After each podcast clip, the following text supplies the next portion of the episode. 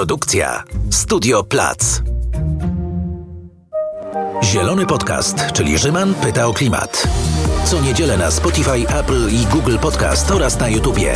Krzyśka znajdziesz także na Instagramie, LinkedInie i na Facebooku. Krzysiek Grzyman, witam, a dziś będę pytał o atomowe wzmożenie w Polsce. Gościem Zielonego Podcastu jest Marcin Kowalczyk, szef działu klimatycznego WWF Polska i ekspert Koalicji Klimatycznej. Witaj. Cześć. E, no, mamy taki moment e, e, w dziejach polskiej polityki, że przyjęto specustawę atomową, a w świecie spółek Skarbu Państwa Orlen zapowiada budowę prawie 80 małych modułowych reaktorów atomowych. Spółka Polskie Elektrownie Jądrowe, a wcześniej PGEJ składa wniosek o wydanie decyzji zasadniczej do ministra klimatu. No i KGHM też o wydanie decyzji zasadniczej. Wszystko się dzieje na przełomie zaledwie kilku, kilkunastu dni. Do tego jeszcze za naszą zachodnią granicą, czyli Niemcy, e, wyłączają swoje trzy ostatnie reaktory, a z kolei na północ Finlandia startuje e, swój e, nowy, największy reaktor atomowy. No, co, coś się dzieje, można powiedzieć. Tak, coś się dzieje, zdecydowanie. Pytanie oczywiście, jakie to będzie miało tak naprawdę faktyczne konsekwencje w Polsce. Bo samo wydanie, nawet zwrócenie się o decyzję, czy samo zadeklarowanie, że będzie zbudowane ileś reaktorów atomowych, nie oznacza, że to wszystko powstanie. To są jednak inwestycje długotrwałe, które, których same przygotowanie wymaga wielu lat e, i odpowiednich działań. E, natomiast e, wiadomo, że w Polsce większość inwestycji odbywa się albo z opóźnieniem, albo z przekroczeniem budżetu, albo z jednym i drugim. Zresztą w przypadku, w przypadku inwestycji atomowych to jest stosunkowo norma na świecie, nie tylko w Polsce Polsce. Spójrzmy chociażby nawet na ten otwarty w Finlandii reaktor, który został opóźniony wiele lat i wielokrotnie przekroczono budżet. Podobny problem jest z elektrownią w Hinkley Point w Wielkiej Brytanii, gdzie też cały czas są problemy z jej dokończeniem i uruchomieniem.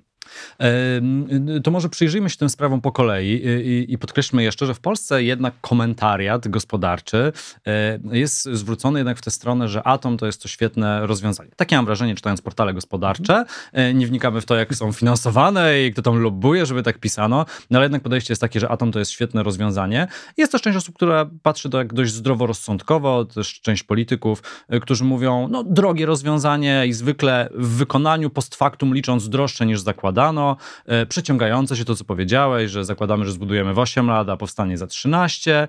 E, no i można jeszcze do tego dorzucić kwestię, tam, drobna rzecz odpadów atomowych, które zostawiamy na kolejne pokolenia, no ale to, to, to jest temat innej dyskusji. Budowa, lokalizacja, jeszcze inny temat. No ale przyjęto w Polsce specustawę atomową, pracowano nad nią dość długo i teraz dwie spółki zgłosiły się do Ministerstwa Klimatu o wydanie zgód zasadniczych, które mają zostać wydane w 90 dni. Tak okiem laika, dość szybko, jak na takie e, decyzje. A czy powinniśmy się tym martwić, czy to jest jednak bardzo długi proces i potem są jeszcze decyzje środowiskowe, czyli ja jako obywatel a być może też mieszkaniec gminy, gdzie ma powstać e, elektrownia atomowa, a dodam, Orlen ma zbudować ich 80 tych małych SMR-ów, czyli jednak bardzo możliwe, że w mojej okolicy powstanie jakiś mały reaktorek tutaj pod Warszawą czy w Warszawie. Czy powinien się martwić tym? E, tutaj należy niestety mieć pewne obawy, że nasi rządzący lubią iść na skróty. To znaczy lubią e, ignorować pewne zasadne obawy, które przy takich inwestycjach należy wziąć pod uwagę. E, jeżeli budujemy, jeżeli podejmujemy się już takiej inwestycji jak inwestycja w elektrownię atomową, powinna zostać zrobiona rzetelna ocena wpływu na środowisko, ale również tak naprawdę w przypadku tej inwestycji również rzetelna ocena wpływu środowiska na tą inwestycję, ponieważ tutaj mówimy o czymś, co ma działać również za 50 lat, czyli to musi wziąć również pod uwagę to, jak w Polsce będzie wyglądał klimat za 50 lat. Spójrzmy chociażby na y, tą elektrownię, która jest planowana nad Bałtykiem. W Choczewie. W Choczewie, w pobliżu Sasina. E, generalnie, e, generalnie ona ma być chłodzona wodą pobieraną z Bałtyku. To oznacza, że po pierwsze będzie miała wpływ na środowisko, bo ta woda będzie później zwracana do środowiska, podnosząc temperaturę w Bałtyku w okolicy o ładne kilka stopni, mowa jest około 10 stopni e, w stosunku do tego, e, w stosunku do poziomu, przy którym jest pobierana, ale co będzie, jeżeli sama woda w Bałtyku będzie cieplejsza ze względu na zmianę klimatu? Może się okazać, że będą, zostaną przekroczone pewne parametry, ta woda nie będzie w stanie wchłodzić wystarczająco, w stosunku do tego, co powinno być. Ja nie wiem, czy, taka, czy, taka, czy to będzie miało aż tak istotny wpływ, ale to jest jedna z rzeczy, które muszą być solidnie zbadane. Jak to będzie, jaki to będzie miało wpływ na sam Bałtyk. Czy nie dojdzie tam do powtórki z Odry tak naprawdę, ponieważ pamiętajmy, że podwyższona temperatura, e, podwyższona temperatura była jedną z przyczyn e, i, i oczywiście odpowiednie zasolenie były innymi z przyczyn, które doprowadziły do zakwitu alg na Oldze. To może doprowadzić do naprawdę poważnej katastrofy e, biologicznej w Bałtyku, a wiadomo, że Bałtyk już w tym momencie jest zagrożony atrofizacją i, eutrofizacją i tak naprawdę wymieraniem życia w nim. To są naprawdę poważne kwestie, na które trzeba zwrócić uwagę. Nawet trzeba zwrócić uwagę na taki drobiazg, jak to, że jeżeli pobieramy wodę z Bałtyku, to czy gdzieś nie dojdzie do korozji rur, bo to jest woda słona. Czy nie potrzebne będą instalacje do jej odsalania w takim razie, które też są energochłonne. E, to są, to są rzeczy, które powinny zostać solidnie zbadane. To są naprawdę poważne obawy, a ja się obawiam, że tutaj będzie parcie do pójścia na skróty i zrobienia tego na zasadzie jakoś to będzie. No myślę jednak, że w Polsce jest takie nastawienie aktualnie, że to jest decyzja polityczna, która już zapadła i teraz po prostu trzeba to zbudować. A specustawy robi się po to, żeby pewne procesy przebiegały szybciej, tam się tych mieszkańców uciszy, są duże projekty jak CPK, budowa elektrowni atomowej, trzeba szybko to przeprowadzić, rach ciach, tu się ludzi wysiedli, tu się drzewa wytnie, y, pod Izerę, pod budowę elektrowni też się drzewa wycięło, e, budowy fabryki, fabryki nie ma, ale drzew też nie ma. Y, i jest to takie tempo y, duże, no ale przyjrzyjmy się też tym projektom. Mamy projekt PGEJ, teraz Polskie Elektrownie e, Jądrowe, czyli projekt w Choczewie niedaleko Sasina, e, ale się uśmiechamy trochę, ale to, co zapowiedział Orlen, mnie, jako osobę, która gdzieś tam śledzi ten temat, ale nie, nie, nie jestem w niego wczytany bardzo głęboko, zaskoczyło. 80 reaktorów modułowych to jest bardzo duża liczba w 20 lokalizacjach i już poznaliśmy pierwsze z nich. No i już się zaczęły dyskusje, na przykład mieszkańców Nowej Huty e, w, w Krakowie, czy to tak fajnie mieć ten mały modułowy reaktor pod domem. I w Warszawie pewnie będzie ta sama dyskusja. Prawdopodobnie tak. E, pewnie wszędzie. Pewnie wszędzie. Tutaj czasami e, mi się przypomina cytat z króla Juliana, szybciej zanim dotrze do, do, do nas, że to bez sensu. Natomiast, natomiast tak, tutaj to są poważne dyskusje, które powinny być również skonsultowane z mieszkańcami. Powinny być przeprowadzone rozmowy z organizacjami społeczeństwa obywatelskiego, również organizacjami ekologicznymi.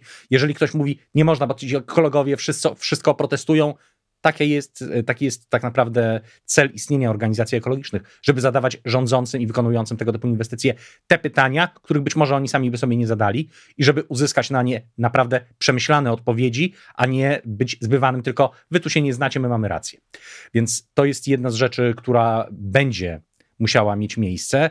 E, niestety właśnie należy mieć obawę, że specustawa jest po to, żeby próbować uniknąć tej rozmowy, co może doprowadzić niestety w przyszłości do jakiejś tragedii, bo właśnie odpowiednie pytania nie zostaną zadane. Rozmawialiśmy tutaj ostatnio z Robertem Tomaszewskim z Polityki Insight a propos polityki energetycznej Polski, akronimu, którego nie mogę zapamiętać, yy, czyli PEP 2040. I tam pojawiły się już i duże reaktory, i małe reaktory. Yy, I jest to dość optymistyczne założenie, e, też to orlenowskie, że nagle powstanie w Polsce, wybudujemy 80 modułowych reaktorów amerykańskiej technologii, reaktorów, które jeszcze nigdzie nie powstały, a w Polsce pierwszy będzie już działał za 6 lat. No to jest bardzo optymistyczne założenie e, i naprawdę nie wierzę, żeby za 6 lat, za 6 lat powstał pierwszy reaktor, nawet jeżeli wszystkie, wszystko pójdzie zgodnie z planem, a zbudowanie 80 będzie bardzo poważnym wyzwaniem w przypadku technologii, która jeszcze nie istnieje. To jest e, nie wiadomo, jak bardzo czasochłonna, jak bardzo pracochłonna, jak bardzo kapitałochłonna. Będzie to inwestycja. No i jest jeszcze jedna rzecz, o której należy wspomnieć, o której ostatnio bardzo rzadko się wspomina, a bez której tak naprawdę tych wszystkich 80 elektrowni nie da się uruchomić. Kadry. Mhm. Żeby uruchomić jakikolwiek, e, jak, jakąkolwiek inwestycję tego typu, trzeba mieć kadry, które ją później obsłużą. Wykształcenie osób, zdobycie przez te osoby doświadczenia i zapewnienie im odpowiednich warunków pracowych, patrzy aktor Maria, e, to jest e, naprawdę bardzo poważne wyzwanie. Żeby obsłużyć 80 reaktorów, nie jestem ekspertem, nie wiem ile osób potrzeba, ale załóżmy tak dla uproszczenia, że osób z wykształceniem fizycznym, czyli tych ekspertów od atomistyki, potrzeba by powiedzmy 10-15 na reaktor. To oznacza, że wykształcić tak naprawdę trzeba co najmniej tysiąc, e, ponad tysiąc osób, a rozpocząć ich kształcenie trzeba tak naprawdę w dużo większej grupy, ze względu na to, że część osób się wykruszy podczas studiów, część osób znajdzie zatrudnienie w innym miejscu i zostanie tylko pewna część z tych osób, które pierwotnie zostały zatrudnione do projektu. To oznacza, że to jest również bardzo poważne wyzwanie edukacyjne, które stoi przed y, polskimi uczelniami, przed polskimi politechnikami. Znalezienie naprawdę, y, nawet w ciągu kilku lat, czterech może tysięcy studentów, którzy będą zainteresowani tym kierunkiem na wszystkich polskich politechnikach, to jest naprawdę bardzo poważne wyzwanie. E, powiedziałem na początku, że to jest atomowe wzmożenie i zacząłem wymieniać, co się dzieje w temacie, ale to nie jest koniec, bo e, Polska Grupa Energetyczna e, oraz ZEPAK, czyli Zespół Elektrowni Pątnów Adamów Konin stworzył spółkę PG PAK Energia Jądrowa, czyli takie połączenie spółki prywatnej i państwowej, która ma budować kolejny reaktor, tym razem na koreańskiej technologii, bo ten, który ma powstawać nad morzem, to technologia amerykańska. Potem PKN Orlen, e, to, to już powiedzieliśmy, potem jeszcze Grupa Azoty chce budować mikroreaktory z kolei, e, też e, według technologii amerykańskiej, ale innej. No i tych projektów nam się namnożyło. Nie wiem, czy to jest przypadek, że akurat teraz to się dzieje w roku wyborczym, po ośmiu latach rządzenia, gdy w tematach klimatycznych niewiele uczyniono, zablokowano budowę wiatraków na lądzie, słabo nam to idzie, cały czas miks energetyczny w 70% oparty na węglu. Zbliżają się te wybory, okazuje się w sondażach, że nawet mm, wyborcy prawicy zwracają na to uwagę, co nie jest jakimś wielkim zaskoczeniem. Wszyscy jesteśmy Polakami, Polkami, żyjemy w jednym kraju, widzimy, jakie są problemy. Nagle się okazuje, że wszyscy chcą e, rozwiązania tego problemu. No i tutaj prawica prawica wyjeżdża z tym świetnym rozwiązaniem, damy wam energię atomową. I powiedziałem o wzmożeniu trochę tak budując te, te emocje, że jest ta specustawa, że tyle się dzieje, tylko że w praktyce pozostaje pytanie, czy cokolwiek z tego powstanie y, i czy to nie jest trochę takie namydlenie oczu, a może też trochę powtórka y, etapu łupkowego w polskiej gospodarce. No nie zapominajmy, też mieliśmy taki etap, y, to akurat możemy przypisać Platformie Obywatelskiej, wielkiego łupkowego Eldorado, na które czekaliśmy. Firmy konsultingowe oszacowały złoża łupkowe w Polsce na gigantyczne, no i niestety nawet fundusz emerytalny miał być z tego finansowany. Nic z tego nie wyszło. Tak, no wtedy mówiono o tym, że Polska będzie drugim Katarem. E, były, były żarty tego rodzaju.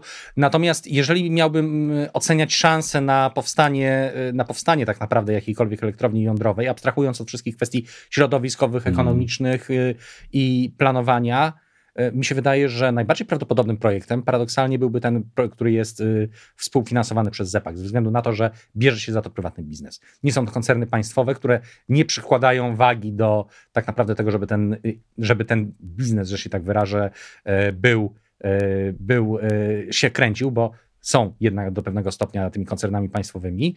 Tutaj podejrzewam, że jeżeli to zostanie przygotowane, to zostanie przygotowane dobrze i zostanie przygotowane E, w sposób, e, w sposób tak naprawdę przynoszący zyski właścicielom. Więc ten projekt mi się wydaje tutaj akurat najbardziej, e, najbardziej prawdopodobny, ale nadal to jest coś, co będzie bardzo poważnym wyzwaniem z tych wszystkich powodów, o których wspomnieliśmy, nie wyłączając właśnie problemu kadry.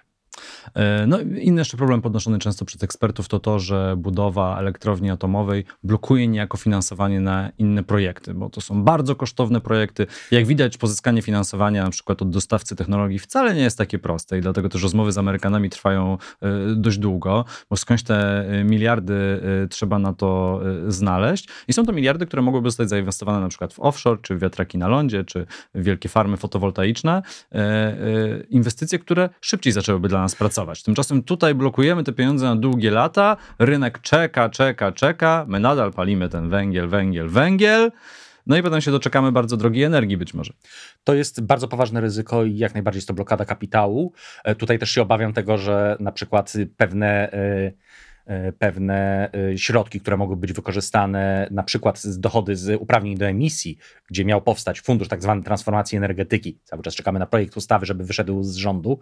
On cały czas jeszcze nie został zatwierdzony e, w rządzie, więc prawdopodobieństwo jego uchwalenia w tej kadencji praktycznie już w tym momencie spadło do zera, e, że te środki również zostaną skierowane właśnie na rozbudowę e, energetyki jądrowej, nie zaś na inwestycje w bardzo potrzebne nam odnawialne źródła energii, bo pamiętajmy, że nasza energetyka węglowa dożywa swoich dni. I to nie dlatego, że ktoś w Brukseli każe zamknąć te elektrownie, tylko dlatego, że te elektrownie tak naprawdę już są wyeksploatowane i praktycznie niedługo nie będą nadawać się do użytku bez generalnego remontu. To z kolei znowu wymaga kapitału. To nie jest coś, co, yy, to nie jest coś, co zrobimy od tak sobie, bo to są inwestycje porównywalne z tymi, które mogłyby pójść w podobną moc, podobne moce w energetyce odnawialnej lub nawet większe. Więc tutaj znowu jest to blokada kapitału, jest to działanie, które będzie zbyt długie i może się okazać, że będzie za późno i zbyt mało.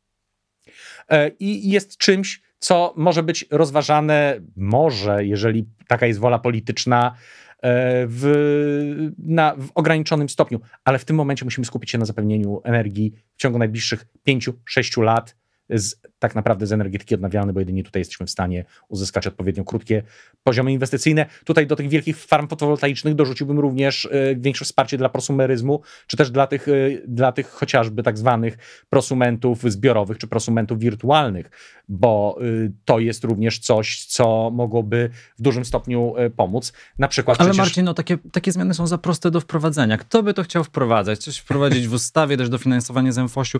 Nie, my potrzebujemy ogromnych projektów w Polsce. My potrzebujemy wybudować 80 reaktorów małych, e, rozsianych po całym kraju, żeby każdy mógł z okna zobaczyć jakiś mały reaktor i jeszcze kilku dużych, porządnych bloków, wykarczować lasy i być z tego dumnymi. A po co wspierać jakieś małe, lokalne, iść w tym kierunku, gdzie wszyscy eksperci mówią, czyli zdecentralizowana sieć energetyczna, która będzie najbezpieczniejsza dla nas przy zmieniającym się klimacie? Nie, my chcemy powielić to, co było, stworzyć, mówię wcześniej o kadrach, o ekspertach. Pomyśl, że tam będzie rad nadzorczych do obsadzenia. O, Pomyśl, że tam będzie można polityków zatrudnić. No. Jednak w tych y, spółkach węglowych też oni teraz pracują. No, gdzieś trzeba o przyszłe swoje kadry polityczne zadbać, gdzieś trzeba ich będzie y, zatrudnić. No, jest to koszmarne, ale wydaje mi się, że niestety jest to jeden z elementów myślenia politycznego w Polsce. No. Też obawiam, się, obawiam się, że możesz mieć rację. Niestety, że tutaj jest to również próba budowy różnego rodzaju synekur.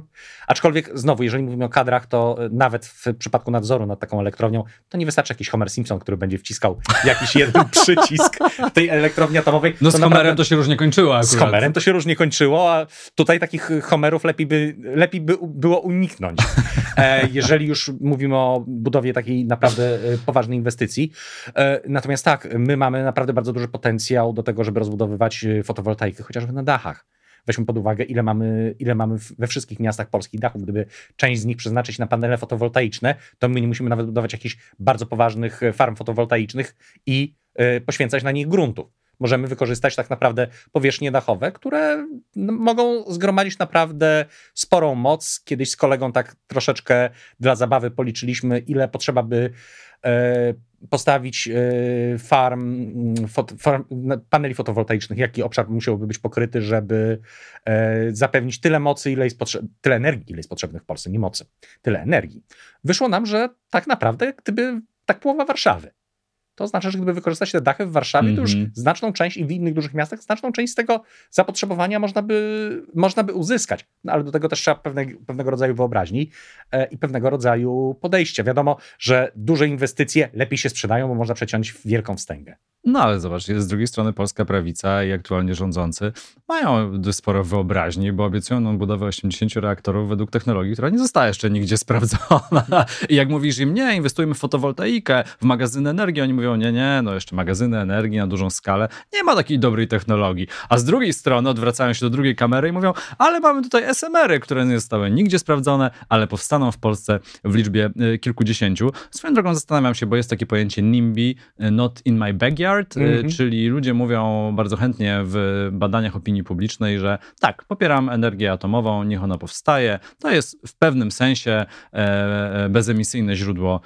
energii. No ale jak widzisz, czytasz listę pierwszych lokalizacji dla tych mniejszych reaktorów Orlenu, Włocławek, Ostrołęka, Kraków Nowa Huta, Dąbrowa Górnicza, Tarnobrzeska Strefa Ekonomiczna, Stawy Monowskie oraz okolice Warszawy, myślisz sobie, hmm, no, mieszkańcy tych miejscowości, ich okolic, zaczną się zastanawiać, czy tak naprawdę e, ten reaktor, który miałby stanąć w Choczewie, to im nie przeszkadza, ale ten, który miałby stanąć za mostem w Warszawie, no, że jest trochę niepokojący. Zastanawiam się, czy to nie zadziała trochę w drugą stronę, że to jest takie przestrzelenie programu atomowego na samym początku.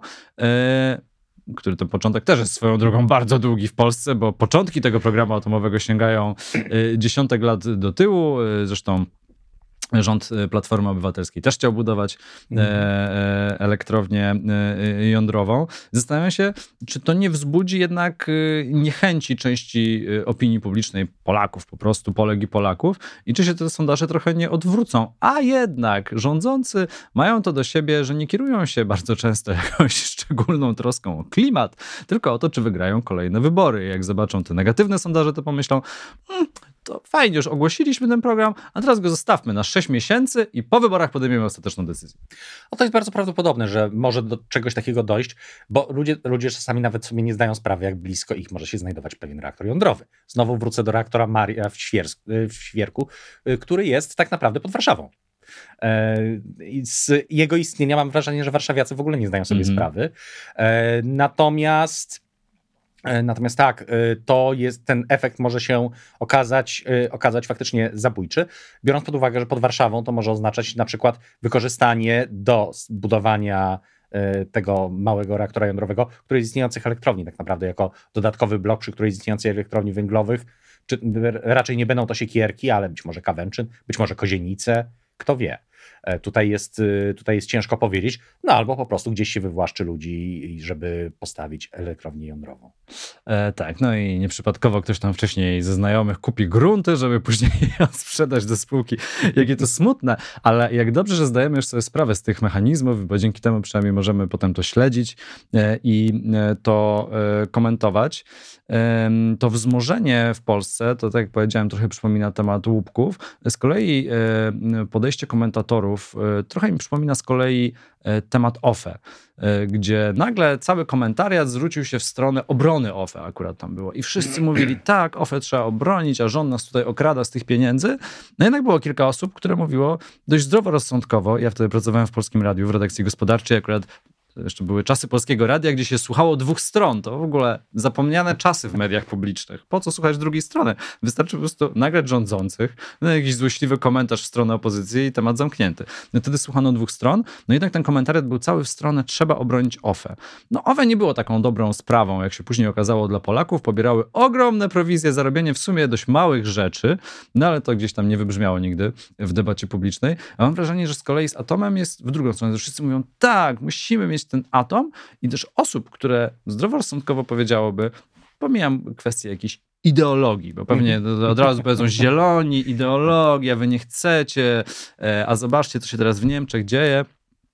E, no, no i jest coś takiego, że trudno w ogóle rozpocząć tę dyskusję i wydaje mi się, że to też będzie trudny temat politycznie przed wyborami, bo Swoją drogą, przy tak ogromnych tematach powinna być zgoda ponadpartyjna. Także jeżeli budujemy system energetyczny oparty o tak wielką inwestycję, no to siądźmy do stołu i ustalmy, że tak, Teraz to postanawiamy, wspólnie to przegłosujmy mhm. i później utrzymajmy ten, o ile to oczywiście ma sens, utrzymajmy to aż do fazy realizacji, później eksploatacji i na koniec wygaszenia. No w Polsce wszystko jest elementem debaty, chociaż wydaje mi się, że w tej sprawie, i tak jak słucham Donalda Tuska, no to jednak koalicja obywatelska, przynajmniej par, yy, Platforma Obywatelska będzie za.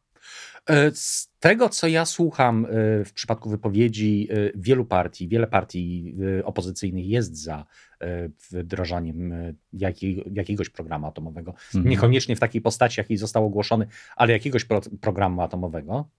E, natomiast e, oczywiście zgadzam się absolutnie, że tutaj potrzebna jest przy każdym wielkim programie, takim, który się będzie ciągnął przez kilka kadencji, potrzebna zawsze jest zgoda ponadpartyjna. Żeby nie było tak, że zainwestowane zostaną ogromne pieniądze, a później będzie to, co ze Ostrołęką. E, tak, no dwie wieże, które można było wyburzyć.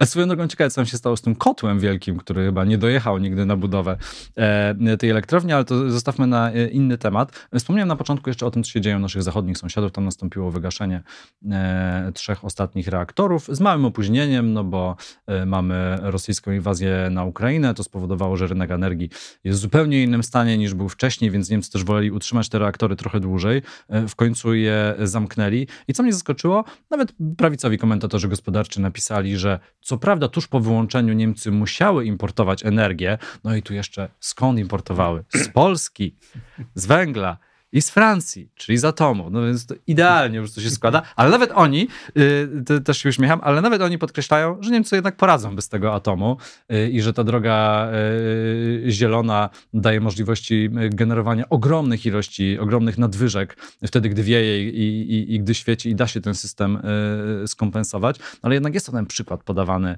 że a, oni zrobili źle, a patrzcie na Finlandię. No Finlandia zbudowała i teraz ma super elektrownię atomową. Tylko, że tak patrząc globalnie, mało jest projektów atomowych aktualnie. Ogólnie e, elektrowni atomowych na całym świecie nie ma aż tak wiele. Owszem, e, buduje się ich trochę, ale w porównaniu z ilością elektrowni węglowych, jakie powstały, to nie ma ich y, aż tyle i nie, najwięcej, tak naprawdę najwię, największą chyba, najbardziej chyba opartym o atom krajem w tym momencie jest Francja, a tam też, też nie jest różowo. Spójrzmy chociażby na to, co się stało w zeszłym roku, kiedy ze względu, znowu, na zmianę klimatu, część z tych elektrowni musiała być wygaszana, bo zabrakło wody do chłodzenia. Tak, i były tam problemy technologiczne, Dokładnie. duża część sieci była, e, nie sieć tylko tych reaktorów była wyłączona. E, to, to, to, e, to, to, też pokazuje, że nie ma tak naprawdę jednej niezawodnej technologii i opieranie się na tym, że sprawność elektrowni atomowej jest powyżej 90%, czyli jak już ją postawimy, to ona będzie działała zawsze, e, też jest to mocno e, przeszacowane.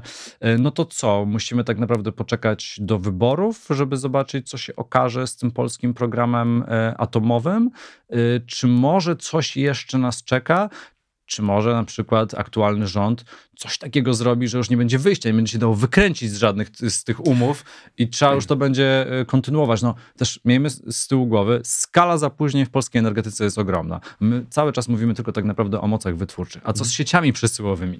Sieci przesyłowe to to już jest w tym momencie naprawdę bardzo poważny problem, bo znowu, żeby zbudować taką zdecentralizowaną e, energetykę opartą o OZE, o jakiej mówiliśmy, potrzebna jest kompletna przebudowa i rozbudowa, gwałtowna rozbudowa sieci przesyłowych. Natomiast jeśli chodzi o o to, czy coś stanie się przed wyborami. Być może, powstanie, być może jednak rządzący zaproponują jakiś okrągły stół z opozycją w tej sprawie. Nigdy nie wiadomo. Można, mhm. zawsze, można, e, zawsze można mieć nadzieję, że raz będą troszeczkę rozsądniejsi. E, być może e, zaproponują, być może po prostu zostaną podpisane kontrakty z wielkimi karami umownymi po to, żeby zniechęcić do skasowania tych kontraktów, ale z drugiej strony mamy przykład Karakali, gdzie te kary umowne też istniały i te kary umowne zapłaciliśmy ostatecznie. E, więc e, to są rzeczy. Być może okaże się, że w kampanii wyborczej ten temat zostanie niejako dwustronnie poparty i mhm. E, tak naprawdę będzie swoista, cicha, ale ponadpartyjna zgoda na kontynuowanie tego programu po wyborach i to nie stanie się w ogóle w dużym stopniu tematem kampanii wyborczej, albo po prostu stanie się w sensie, że wszystkie partie powiedzą, że kontynuujemy. No ja mam nadzieję przynajmniej, że opozycja może jednak połączy się pod tą zieloną, wspólną flagą i przynajmniej w tematach transformacji energetycznej będzie mówiła e, jednym głosem. To jest akurat do osiągnięcia. Da się tutaj połączyć e, interesy i PSL-u, e, i Zielonych, w tym temacie oczywiście tylko, i Szymona Hołowni, i Dawnej Wiosny, i Platformy Obywatelskiej, że jednak byśmy wszyscy, wszyscy chcieli tej obywatelskiej energetyki w Polsce, a nie kolosów i gigantycznych takich takiej gigantomanii e, w projektach energetycznych, e, no bo to, to za oknem najlepiej widzimy, jak wygląda kryzys klimatyczny. Jak najbardziej, ale pamiętajmy też, że e, scentralizowany system energetyczny jest też poważnym zagrożeniem dla samego bezpieczeństwa energetycznego.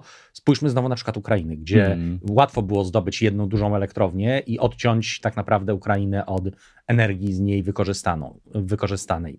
E, podczas gdy na przykład pojawiła się, została zaatakowana farma fotowoltaiczna, częściowo panele zostały zniszczone przez, e, przez atakujących, ale po odzyskaniu tego terytorium w 70% bez problemu wróciła do, y, do dalszego działania. Fakt, te panele, które zostały zniszczone, będą jeszcze musiały być wymienione, ale wszystkie pozostałe działają, zostały pod, podłączone z powrotem do sieci.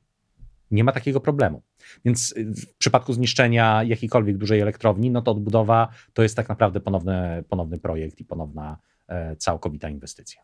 No, to jest zawsze straszne, gdy patrzymy na to, co dzieje się za naszą wschodnią granicą. Miejmy nadzieję, no ale jest to też wojna o paliwa, o wpływy, to się wszystko tak miesza. Przerażające. Zobaczymy, co będzie w Polsce. Marcin Kowalczyk, szef zespołu klimatycznego WWF Polska i ekspert Koalicji Klimatycznej był gościem Zielonego Podcastu. Bardzo Ci dziękuję za rozmowę. Dziękuję. E, a Zielony Podcast teraz także do zobaczenia i e, do usłyszenia. No to nawet logiczne na YouTubie i na Spotify. To był Zielony Podcast, czyli Rzyman pyta o klimat. Co niedzielę na Spotify, Apple i Google Podcast oraz na YouTubie. Pamiętaj, żeby subskrybować kanał. Nie przegapisz żadnego odcinka.